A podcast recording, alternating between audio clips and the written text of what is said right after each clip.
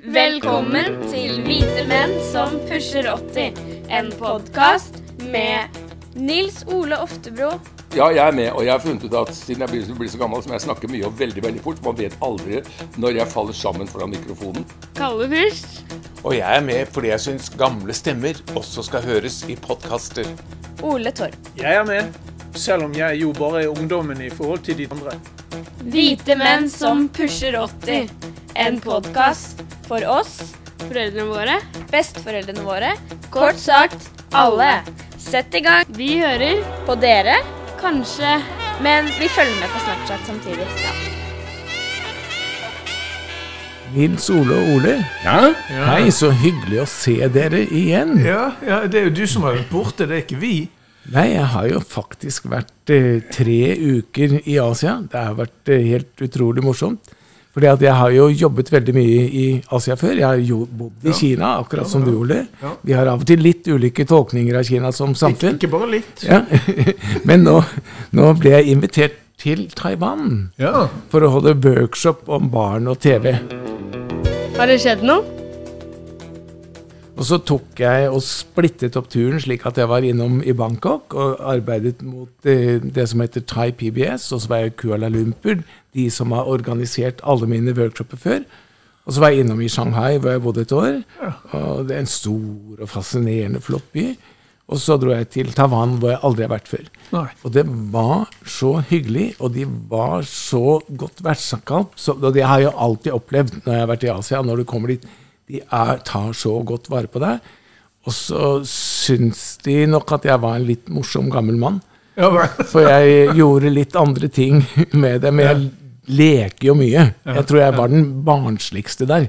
På en Men det var et barne-TV-symposium. Det var et barne-TV-symposium. Men jeg, jeg driver med litt dramaøvelser og tuller og, og holder på, og det syns de var så morsomt. Så det var veldig gøy. Ja. Så det har vært fantastisk. Det er jo tre år siden jeg har vært i Asia ikke sant, pga. pandemien. Så dette var liksom min eh, reunion. Ja. Og Taiwan var en, et fint sted med masse flotte folk. Politisk ukorrekt. Dette er vel korrekt for de gamle menn, da. Du blir 79 år i morgen. Ja, det gjør jeg jogge meg. Og de feiret faktisk føds- Nå? Ja. de feiret fødselsdagen min der. Ja. Wow. Ja, Og de kan ikke feire fødselsdager med nitall i, så de feiret altså 80-årsdagen min. da. Ja, ok. Ja, ja. Men, Kan de ikke telle til ni, eller hva er grunnen? Nei, det det er noe det er alle, alle tall på, på kinesisk har en eller annen dobbelt betydning. okay. Fordi det høres ut som noe forferdelig. Altså, så Et det er ett tall som, eh, som høres ut som død. Mm. Hvis du sier, du, altså Det skrives jo med forskjellige tegn, men noen av uttalene kan være sånn at det betyr død, så da hopper de over det. Det er akkurat som vi hopper over seterad 13 på flyene. Ja, ja, ja, ja, akkurat. veldig, mange kinesere er veldig overtroiske. Så du er 80 du nå egentlig i Kina? I Kina er Ja, er du enda For sikkerhets skyld. Ja, men da er du enda mer imponerende at du er borte i tre uker. Men altså, siden dere har så forskjellige opplevelser av Kina, dere Ja. to Ole og Kalle, så det jeg helst vil høre om, er ikke Taiwan. For det går ut fra at der har dere ganske lignende opplevelser, egentlig, og dette er flott og fint og moderne og sånn. Men jeg er veldig interessert i å høre om Shanghai. Altså, opplever du, når du er der, at kinesere er veldig grå, undertrykte, folk som ikke får lov til å si hva de er, har en følelse av at de lever i en stor fangeleir selv om de går i pene klær. Altså, Hva er ditt inntrykk? For dette er Oles inntrykk. Nei, ja, det er- hvilket det er ikke Oles inntrykk heller, tror jeg. Det er ikke Oles inntrykk fra Shanghai. Nei, men, Shanghai er jo den, etter, Jeg har bodd der et år. Den har forandret seg veldig mye på de tolv årene som har gått siden jeg bodde der. Den er fascinerende moderne. Og det å gå på gaten i Nanjinglu, der hvor jeg bodde på hotell, og se det motebildet som er der, med eh, flotte både menn og kvinner og jenter og sånt, så topp moderne. Og teknologien Vi ligger jo hauger av år etterpå, betalingsmetoder og alt mulig sånt noe. Så jeg er veldig fascinert av det. Så vet jeg jo at eh, det er et stort land, og med 1,4 milliarder. Bare jeg, jeg var Jeg reiste jeg, jeg er god til å bruke offentlig kommunikasjon. Så jeg tar T-banen og tog. Så var jeg borte i noe som heter Ningbo. Som er en liten by på ca. 6 millioner omtrent. Ja, ja, ja. Og så mellom Ningbo og Shanghai så bor det altså ca. 180 millioner ikke sant? i det området rundt der. Ja. Men merker du, når du er der Dette spør jeg fordi jeg ikke aner noe om det. Merker du at eh, da jeg var for veldig mange år siden, midten av 70-tallet, i Polen Blant annet og filmet i Warszawa. Når vi kjørte drosje da, fra en del av byen til en annen for å filmsett, så vanligvis så kunne vi snakke ganske fritt. For disse menneskene, skuespillere og andre, var intellektuelle eller studenter eller sånn. Men av og til så var det sånn Og det var fordi at da visste de at sjåføren som uh, var, kjørte denne gangen, kunne være en angiver for KGB. Merker dere noe sånt når dere er i, i, i Kina nå? At det er folk som følger dere er eller ikke frem og tilbake? Nei, men de har jo full overvåkning. De vet jo alt. Men de har jo ansiktsgjenkjenning. Og det er jo, altså, du bruker jo passet ditt til og med til å kjøpe billetter, togbilletter med. Ja, så de vet hvor du er De til vet, enhver ja. Det vet de i USA når du skal inn i USA også. Det er akkurat det samme. Det, det- er- mye- det er mye mer. Det er Ja. mye mer. Ok. Ja, men her er det de, Det vet de. Og det, men Google vet jo også hvor du er. Da du var på Taiwan, så må du jo ha fanget opp noe av frykten for krig. Det var ikke snakk om i det, om. ikke det hele tatt. Og jeg snakket ganske mye med de som var Ja. der. Men en av mine bekjente, Henning Christoffersen, som er veldig godt orientert om Kinas politikk, han skrev en kronikk nå for ja, det var ikke så lenge siden om liksom Ta det med ro. La dette her bare være sånn som det er. Ikke kom fra utlandet og begynn å provosere frem noen ting. Det, det er et balansert forhold mellom Taiwan og Kina. Og jeg lurte jo litt Vel, det Vet du hva? Ja. Det syns jeg høres helt utrolig ut. Ja. En fyr som har vært så mye i Kina, som Ja, altså kan skrive. Jeg var nettopp Han- på et møte med en, en eh, kinesisk forfatter som har måttet flykte fordi han har vært for frittalende i sine bøker, som, mener å vite at den krigen kommer innen 2027. For 2027 er 100-årsdagen for stiftelsen av eh, Folkets frigjøringshær. Og Xi har lovet å levere Taiwan tilbake. Så selv om, selv om taiwaneserne på en måte er, er vant til å leve under trusselen av krig, og, og på en måte lar uh, den daglige eh, La hverdagen være slik at du ikke må gå og snakke om det hele tiden, så er det jo åpenbart at de må frykte det. Ja, og det, det som provoserer frem mest, det er jo når det kommer amerikanere dit og, og liksom snakker om at uh, uh, det kommer en krig. Ja, men de kan ikke, det er jo ingen som kan unnlate å se eh, de kinesiske krigsskipene i Taiwan-stredet og høre retorikken og se det kinesiske raseriet og den absolutte beslutning som nå er så uttalt at det vil være å miste ansikt og ikke forsøke å gjennomføre det. Kineserne har nok ikke Jeg tror ikke det frister til gjentagelse av det russerne har gjort i Ukraina. Nei, det vil jeg ikke tro. Selv om, selv om eh, det er helt, altså taiwaneserne er jo kinesere, det er helt klart. Eh, Mens eh, ukrainerne ikke er russere. Dagens gammeldagse tema, ass. Men for å komme tilbake til det som var hyggelig på Taiwan Ja, Det var jo at de feiret min 80-årsdag, som Ja. ikke var min 80-årsdag, men min 79-årsdag, som er i morgen. Ja. Og da syns jeg det bringer oss på en måte til det derre temaet som vi har snakket om nå. Du er lykkeligst i 70-årene. For nå er det kommet noe forskning som viser at den lykkeligste perioden av folks liv eh, Hvis du tar gjennomsnitt, da. ikke sant? Det er opp og ned, for å si det sånn. Men det er faktisk de som er i 70-årene. fordi at da har de ferdig med sine jobber, de slipper å slappe av, de skal liksom ikke ha karrieren så veldig opp og stå. De får interesse for andre folk rundt seg. Du må ikke bruke 24 timer i døgnet for å tenke selvforberedning. Så det er veldig mange ting som er fint. og, og Kar- damer Ja. og sjekking sjekking og alt det der. Så jeg er jo litt bekymret, for nå blir det bare ett år til, igjen da, til at jeg kan være på det lykkeligste. Ja. Og jeg ble snurret andre veien igjen når du ble 80. ja. Ja, men Da går det rett Da nedfor bakke øyeblikkelig, og han har allerede begynt. Nei, men eh, seriøst, dette har noe med å gjøre at du kan tillate deg å slappe mer av. ikke sant? Du har ikke de der, eh, den der trangen til å utdanne deg, gjøre karriere og skaffe deg barn og kone, helst i andre rekkefølgen. Um, og prestere og prestere og prestere og gjøre karriere og bruke albuer og bli bedre enn din kollega på jobben og alt det der. Du, du får mer livserfaring og behøver ikke bevise noe for omgivelsene. Det er jo vidunderlig. Ja, det er jo de som er friske og da ikke har begynt å feile. Ja, så er det den- er det og det er jo også en god del som begynner å kjenne på når de nærmer seg 70, at knærne blir dårligere, helsa kommer, kreften kommer altså Det er mye sykdom folk erfarer etter hvert. Så det er vel, en, eh, det er vel sånn i alle aldre at den som holder seg frisk og glad, fortsetter å være frisk og glad også etter at vedkommende har passert 70. Ja, bedre å være rik, frisk og Ja, Enn det motsatte. Hva er det for noe? Det er bedre å være rik, frisk og Slu. Nei, det er kanskje ikke det. Nei, jeg husker ikke hva det var. Jeg Bør være fattig og frisk. Det er bedre å være Bedre å være fattig og frisk Frisk. enn å være Frisk. rik og dum. Eller Frisk være og rik. og syk. Nei, sånn Ja. er det. Det er bedre å være frisk og rik enn å være fattig og syk. Sånn er det. Oh, ja. Ja, Ja. ja det tror jeg vi kan si oss enig i. Ja, da var vi kommet ferdig med det punktet. Jo, men det, det er jo eh, mange løfterike ting de siste dagene. har avisen også vært full av, av historier om at nå er det gjennombrudd i Alzheimer-forskningen. Og, og ikke bare det at de kan finne det tidlig, men de har funnet noen produkter. Jeg har skrevet opp hva de heter. Eh, Leconemab og Donanemab. Vi kan bare glemme det igjen med en gang. Men dette er omtalt i flere større internasjonale legetidsskrifter. Som altså eh, bidrar til å senke eh, tempo på ødeleggelsen i hjernen, og delvis friskne den. Eh, sier de foreløpige resultatene, men her som alle andre steder eh, handler det jo litt om bivirkninger også.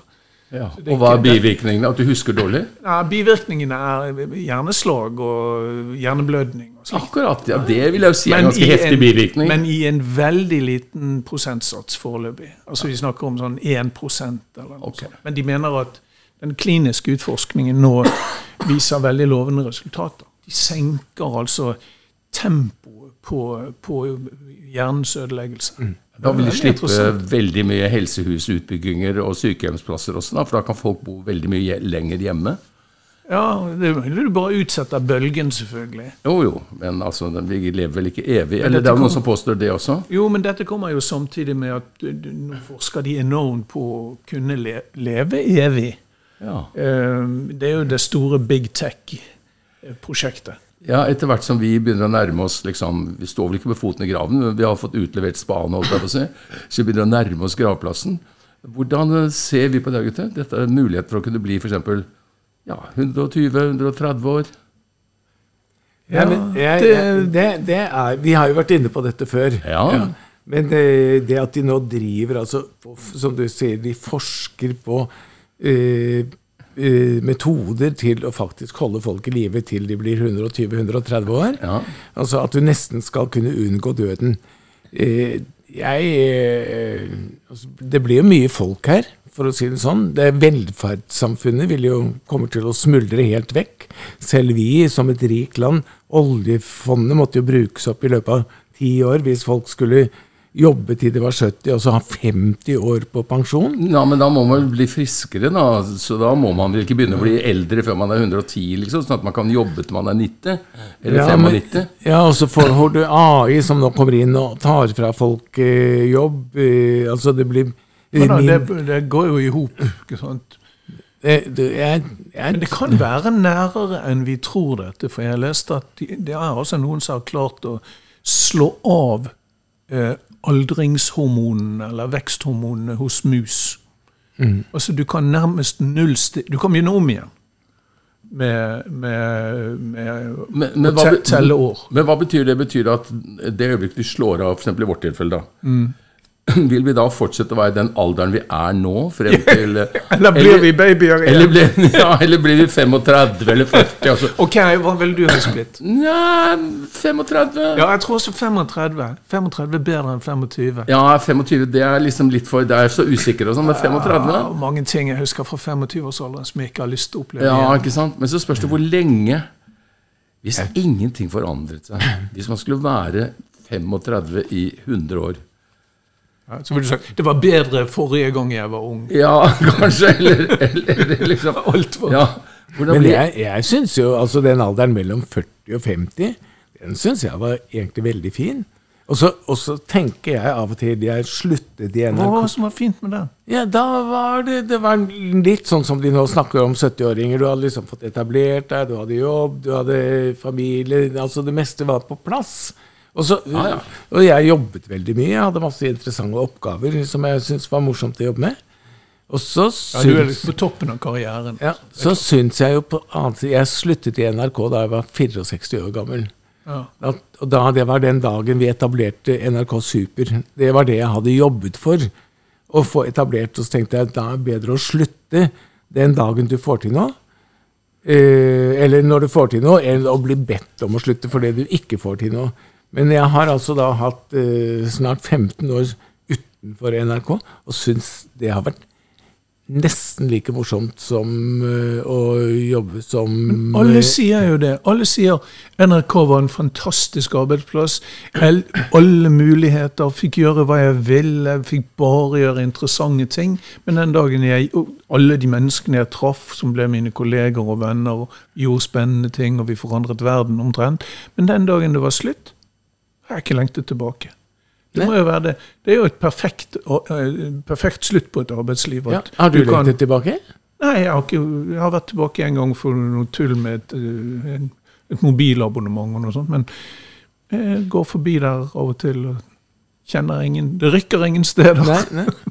Det Men det er, det er interessant, egentlig. Altså, hvordan er det når du går forbi et teater? Vil du inn på scenen igjen? Hvilket teater? Ja. Nationaltheatret? ja. Det var der du var lengst, var det ikke det? 40 år, ja. Jeg var 42 år i NRK. Ja, nei, altså Ja, jo, hva skal jeg si? Eh, på en måte føler jeg at jeg er veldig ferdig med det. Men det har jo, jeg har ikke hørt et kny fra dem noen gang. Jeg har ikke hørt. De har ikke tatt De har ikke spurt meg om noe. Ikke å komme og lese om et dikt eller være med på en 17. mai. De har overhodet ingen henvendelser, annet enn sånn generelt til alle pensjonister. Så langsomt så får jeg en følelse av at de også er veldig ferdig med meg. Og det er klart Som skuespiller så har du ikke så forferdelig lyst til å gå inn i et teater eller inn i en administrasjon eller som du føler er helt ferdig med. Nesten ikke aner hvem du er. Så nei, jeg føler ikke noe sånn veldig behov for å gå inn der. Men det er jo likevel annerledes å være skuespiller enn å være journalist.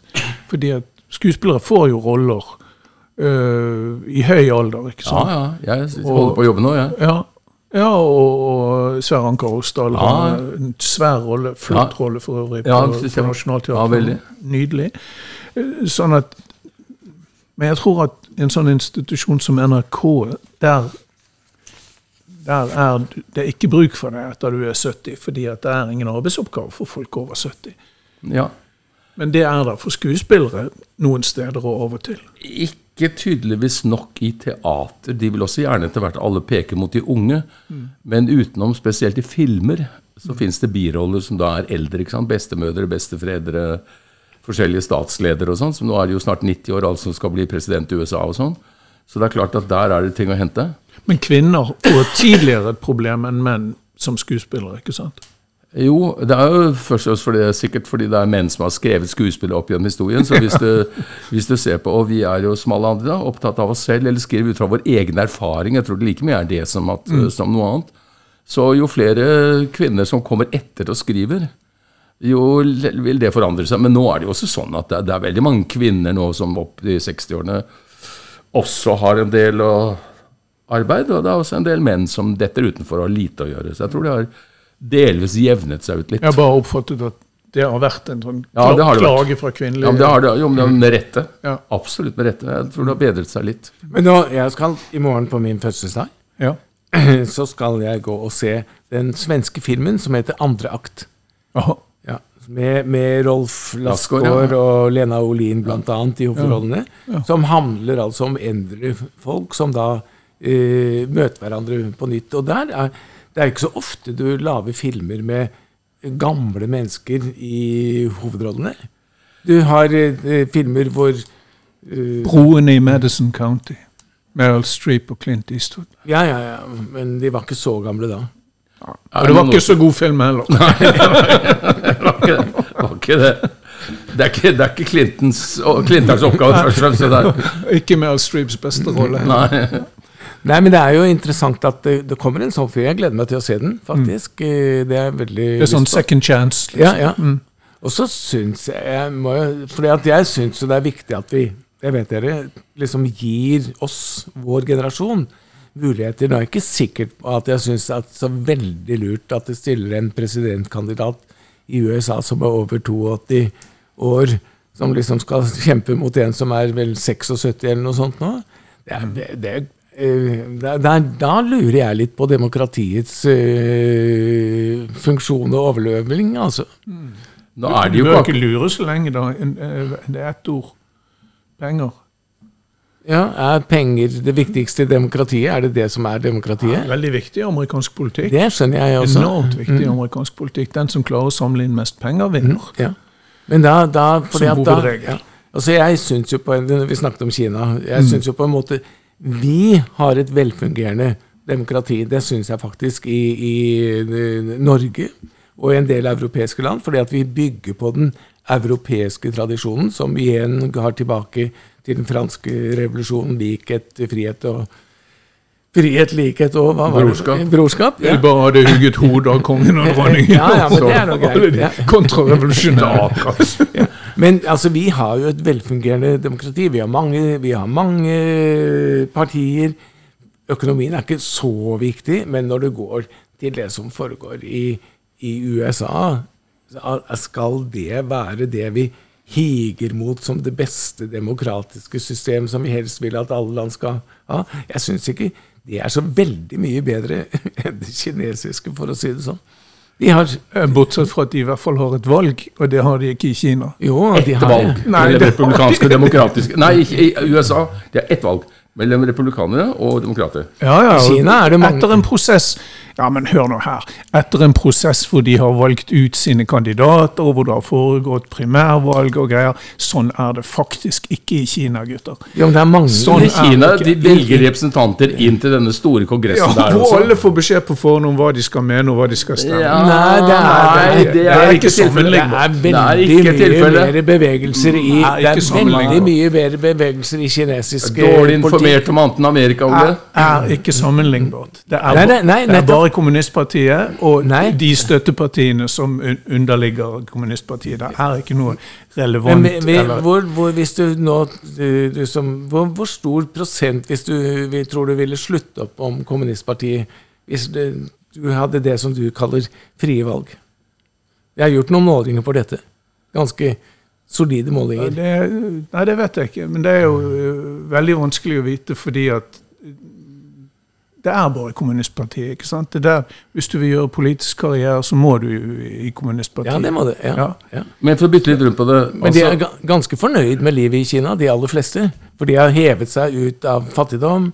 Det fungerer ganske godt. Det er eh, Kan de spørre de i Hongkong hva de syns om det, eller i, ø, eller i rundt Urumqi og Ja, men, men, men i Hongkong altså de, Hongkong ble jo det, Engelskmennene tok jo Hongkong som krigsbytte eh, da de hadde opiumkrigen. Ja. fordi de ikke fikk lov til å selge opium til kineserne, så tok de Hongkong som krigsbytte.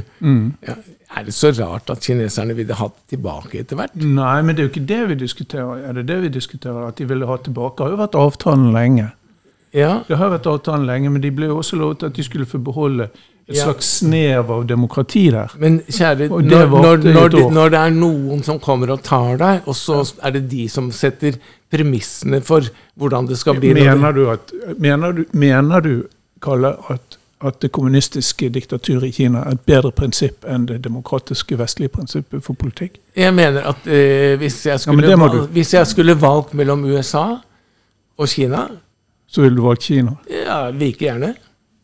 Jeg, jeg syns Kina fungerer så godt som land, og jeg er veldig usikker på hva som kommer til å skje med, med USA. Det er et land med store eh, På tross av undertrykkelsen av Tibet, på tross av én million mennesker som sitter i fangenskap i, i eh, andre regioner, så mener du, og på tross av at man slo ned demokratiet i Hongkong, så mener du at Kina har et bedre politisk system enn USA? Jeg mener at kineser, altså Tibet kan man diskutere opp og ned.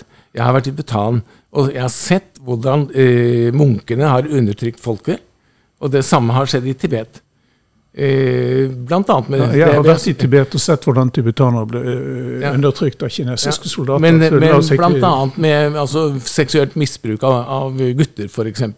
Det ville ikke vi synes var noe særlig Jeg syns ikke det er det som er det beste med Tibets eh, religion. Og i, i guruene, ja, de, vi har også noen problemer med muslimer i deler av, av Europa, hvor vi faktisk har mange i leire Ja. i Syria.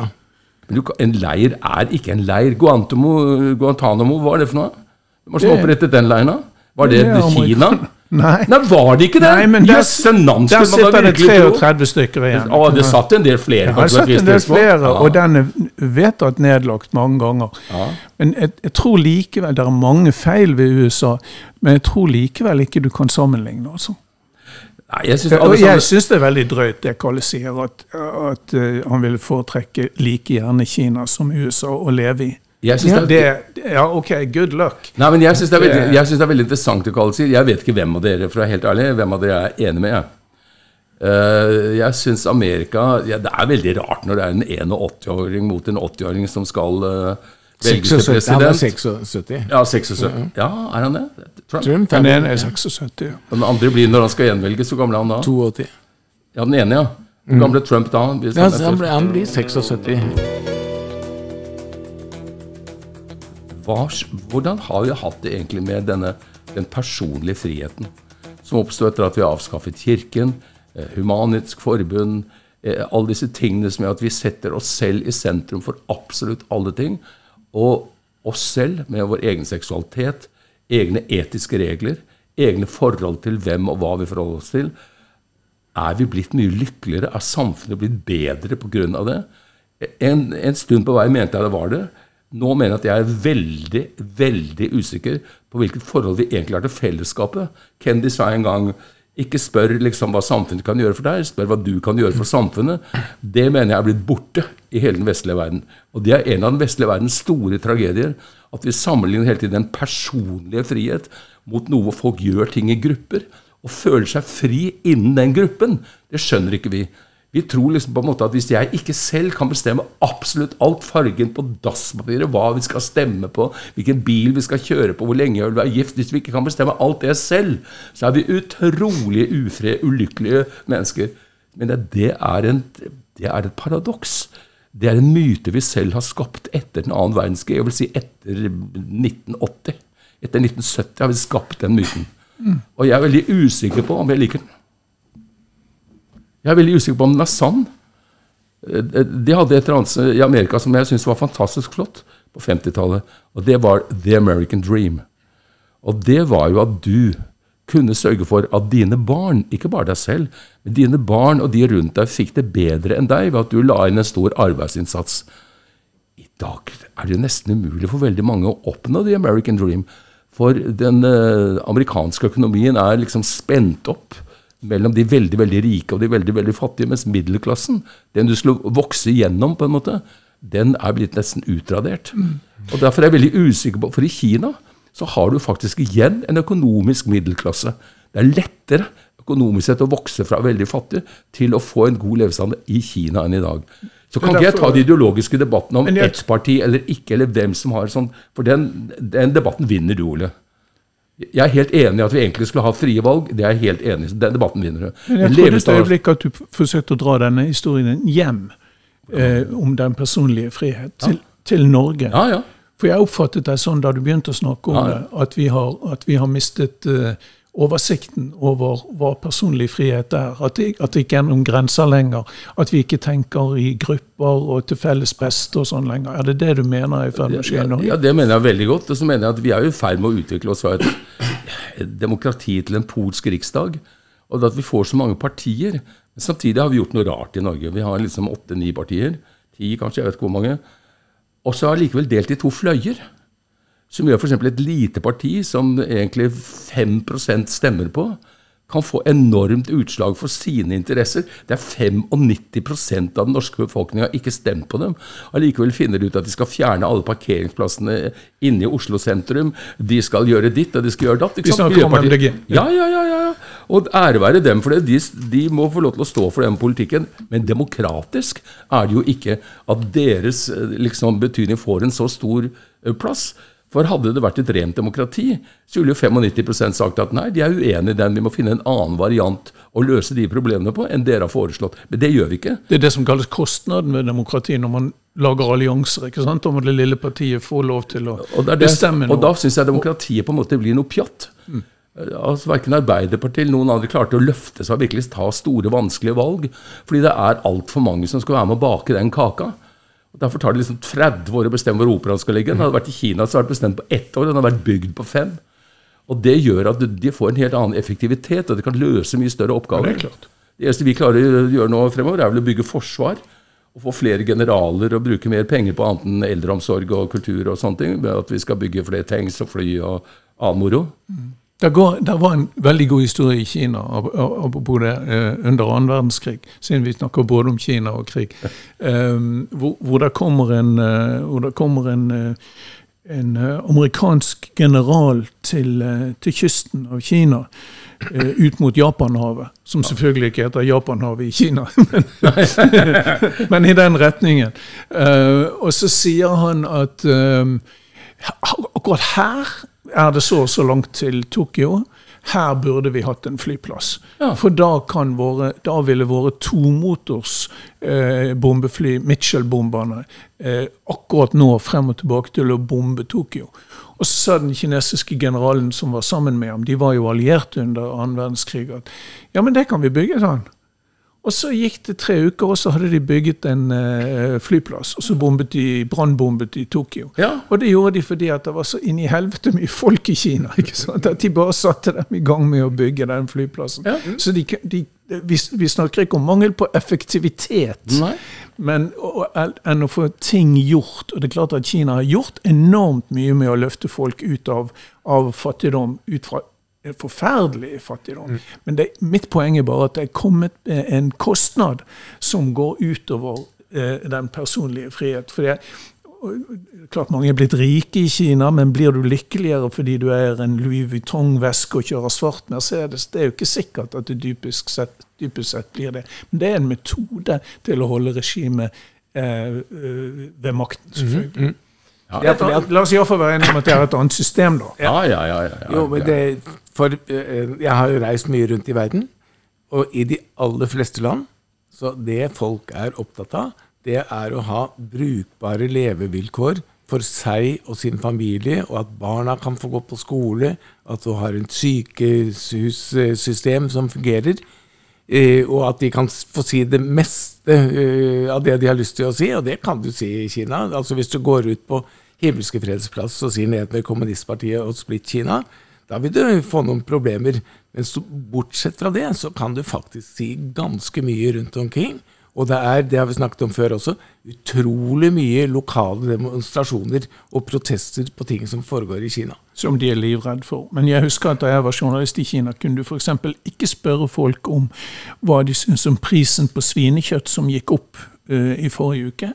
For det er kode for myndighetene gjør en elendig jobb. Ja. Så å kritisere prisøkning på svinekjøtt mm. er et barometer.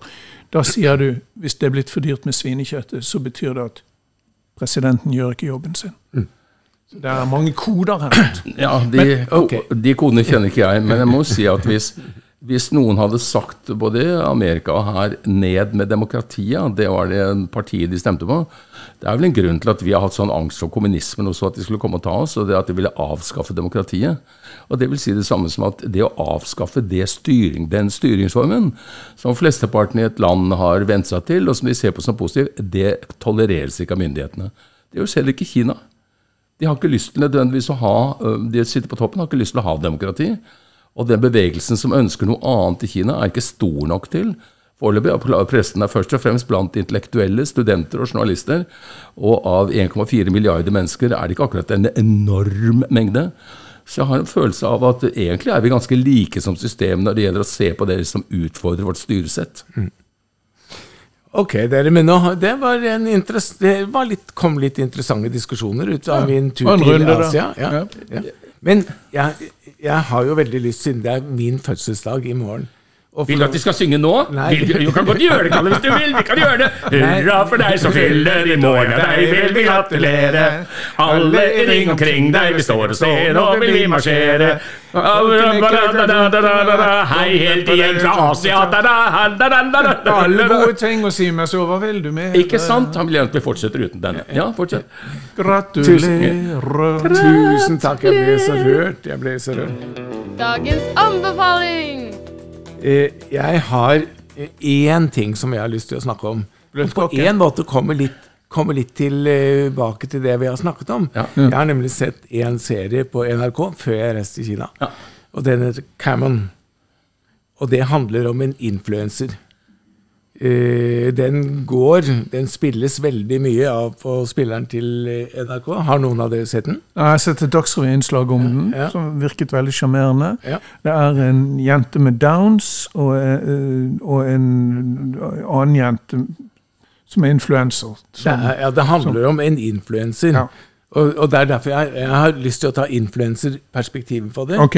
Fordi at jeg, jeg må jeg si på en måte så syns jeg at det at du får en hel gruppe med folk som lever av å være kjente, fordi de er kjente, ikke fordi de, sånn som oss, liksom har gjort en jobb i journalistikken eller blitt kjente pga. å ha vært en god skuespiller, eller fordi de har jobbet i barne-TV, men de blir kjente fordi de har vært kjente. Og så går de inn i en spiral på, på dette her, og så putter de litt eh, filler i, i leppene sine, og så blir de enda mer kjent på det. Og så tjener de penger på det. Så lager jo store pupper og Ja. store rumper. lager Ja, de også. ja, ja. Men Litt, for, litt for store, syns jeg av og til. Syns ikke du, Nils Ole? Uh, ja, jeg fikk en Influ dress Influenserrumpe? Ja. Jeg fikk en dre dress en gang som uh, Per Leka lagde lagd meg som sjang i Frøken Julie. Og så har han lagt sånn, sånn legg bakpå rumpa med sånn spenne. Ja. Og så Han var homofil, da. Og så sa jeg du, jeg syns rumpa mi nå blir veldig stor i den buksa. Ja. Yes, and navn, kan den altså bli for stor? Nå er og det han svarte, så Jeg husker han. Men iallfall Cammon her, hun Det starter med at hun tjener masse penger, eller hun tjener masse på at hun får masse ting. Og så har hun ikke skjønt at hun skal betale skatt av det. Nei. Ikke sant? Og så er Penger i mors. Plutselig så er hun konkurs. Fra å liksom være eh, den som alle stopper opp Glamorøs og vil og bli tatt bilder av og kommer inn på premiere og alt mulig sånt noe, så må hun begynne å jobbe. Jeg er så lei av influensere som tror de er noe bare fordi de har vært med på et eller annet. Det er vel annonsene de lever av, er det ikke det? Jo, og delvis også tingene. og- tingene. Klær som de får beholde. Ja, og det er- Så poserer de med dette. Ja, og her er det da at du ikke skatter av de gavene. som Ja, det fått, så- må de jo. Ja, ja, det, er, det er jo hennes dumhet. Men Men serien i seg selv syns jeg, jeg syns den var veldig, veldig glad. Okay. Er det dagens anbefaling? Dagens anbefaling, absolutt. Ja. Kan jeg få stille dere et spørsmål om renter? Jeg, jeg skjønner ikke ordentlig dette med økonomi. Og så har jeg tenkt liksom nå, vi, vi, hever, vi hever renten for at vi skal få ned forbruket. Og så mener de at da skal, det skal dempe inflasjonen Og så virker det ikke. så virker det foreløpig ikke så veldig mye. Og så lurer jeg på, er dette noe, er det noe de ikke har tenkt på? Fordi at når, vi, når jeg betaler inn mye mer i rente til banken, så går jo det inn og blir et overskudd i banken. Hvor ender overskuddet i banken? Jo, det ender til aksjonærene i banken. Så får de mine penger Og i direktørens millionvilla. ja, ja, så får de mine penger som, som utbytte av sine aksjer. Og så kan de bruke mine penger istedenfor at jeg bruker mine penger. Er, er, demper det inflasjonen? Blir det ikke bare at man tar fra de som er middels rike og fattige, og gir til de som er rike allerede før? du vet, direktøren er én person. Aksjonærene er kanskje 250. Ja, Men de som har innskudd i banken, det er tre millioner mennesker. Så hvis tre millioner mennesker på en måte må betale mer inn eh, i renter, så vil det si det samme som at de egentlig har færre penger å bruke til å kjøpe smør og fisk og hva de nå skulle kjøpe. Og Det gjør vel da også at det blir vanskelig å heve prisene, for da går forbruket ned generelt sett. Ja, men mine Men det er to, dere diskuterer to spørsmål, så for du spør om det er rettferdig at du skal betale mer i rente for at noen skal få det store utbyttet. Var det sånn? Ja. Ja, og det er jo litt Ja, men det er jo ikke derfor de gjør Det det. er jo sånn kapitalismen virker, på en måte. Noen har, noen har kjøpt seg aksjer og når de har hatt råd til det, og så vinner de på det på lengre sikt. Mens vi andre som bare har brukt penger etter hvert som vi har Og nå, og, og nå kaster jo bankene lån eh, Min sønn er ute på eventuelt skal kjøpe en bolig. Den yngste. Og det, nå kaster jo bankene lån etter deg. For nå tjener de renteinntekter. ikke sant? Mhm. Og så er de jo livredde for at folk nå skal sette seg på gjerdet Mhm. og ikke kjøpe leiligheter. Fordi de venter på at rentene stiger videre opp til kanskje 5% og da blir boligrenten opp til 6 og 7 og det, Da kan det virkelig begynne å bli kritisk for veldig mange. Så Derfor slenger de nå boliglån etter folk, så i hvert fall boligene blir solgt. Men det var jo stikk motsatt av det myndighetene ønsket med det. ja, sant? ja, det er det Så det Det er helt et eller annet helt råttent i systemet. Ja.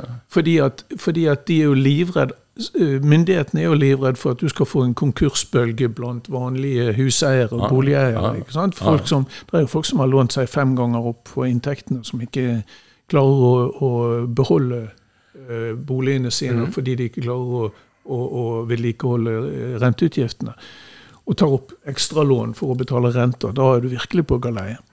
Ja, så er det jo flere og flere som ikke får eh, full stilling, ikke sant? og som ikke får eh, i hvert fall ikke fast ansettelse. De får liksom I NRK så er det jo sånn at eh, når du kommer inn, så annet i Super, da, og står bak kameraet, så får du jobb liksom i to år.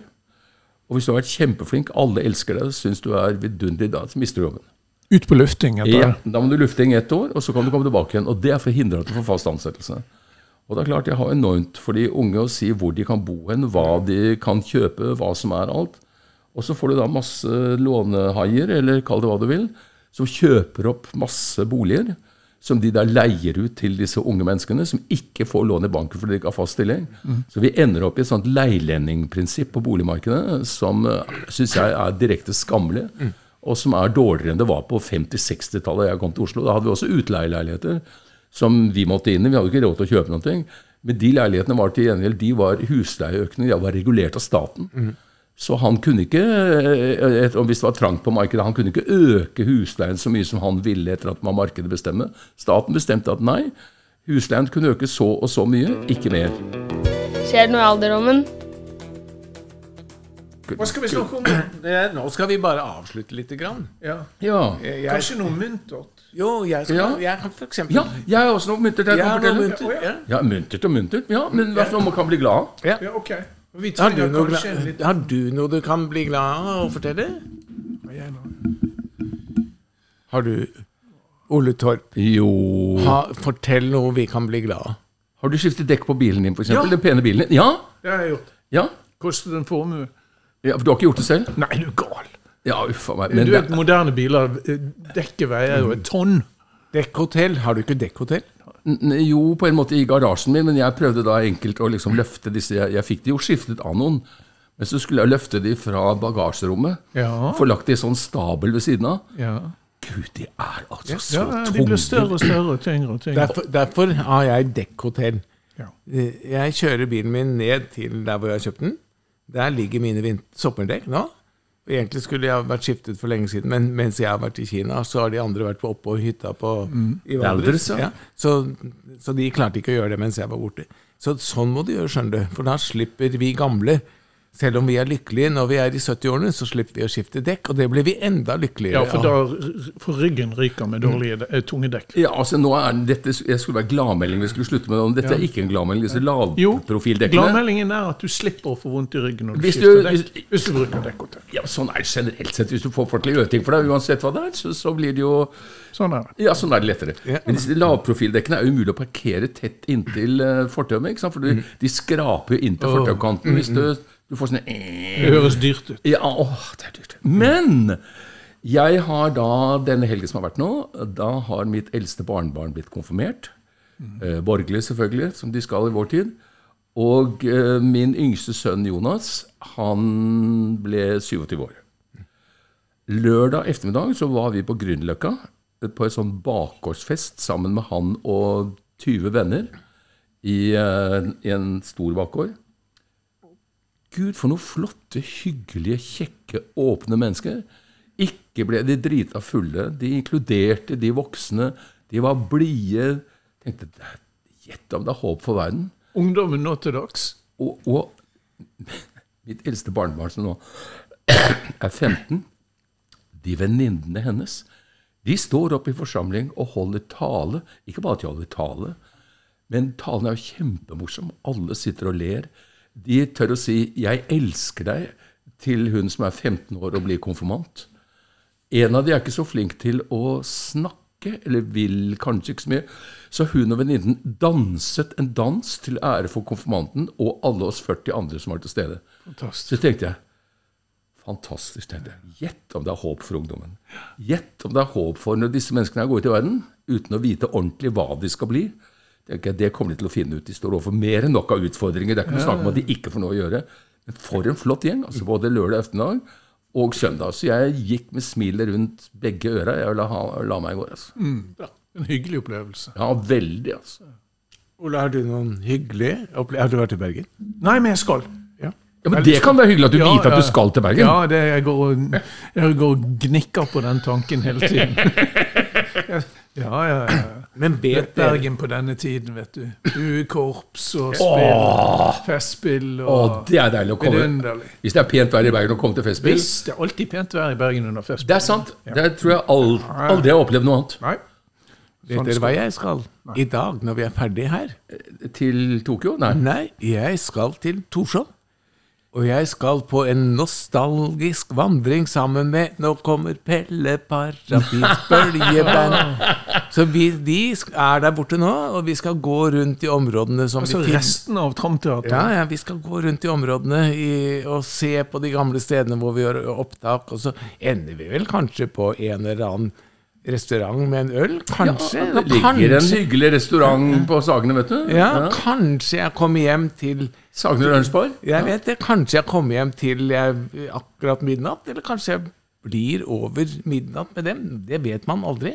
Men det er Han kom ikke hjem til sin egen 80-årsdag. 79 Det var bare i Taiwan jeg ble 80. Jo, men du, du starter da på ditt 80. år når du har Ja. passert 79. Ja. Det er en sånn pessimistisk måte å si det på. Du Enten er det inne i ditt 80. jo, men Det er også en måte å si på ja, jeg har i hvert fall overlevd så langt. Det er jo også en sånn måte. Ja. Så det skal jeg gjøre, og da tenkte jeg da passer det godt med at vi avslutter i dag med å spille en av de gamle låtene til Tramteatret. Oh, jeg trodde du skulle si Bergenssangen, så jeg var i ferd med å reise meg. Nei, men Jeg tror ikke det er de som har skrevet den. Nei, nei, nei, nei, er. Vi spiller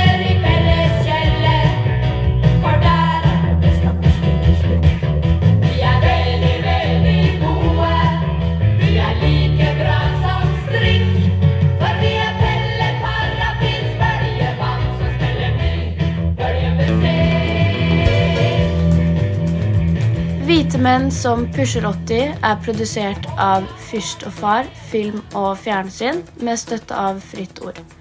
Medvirkende er Ole Torp, Nils Ole Oftebro og Kalle Fyrst, som også er produsent.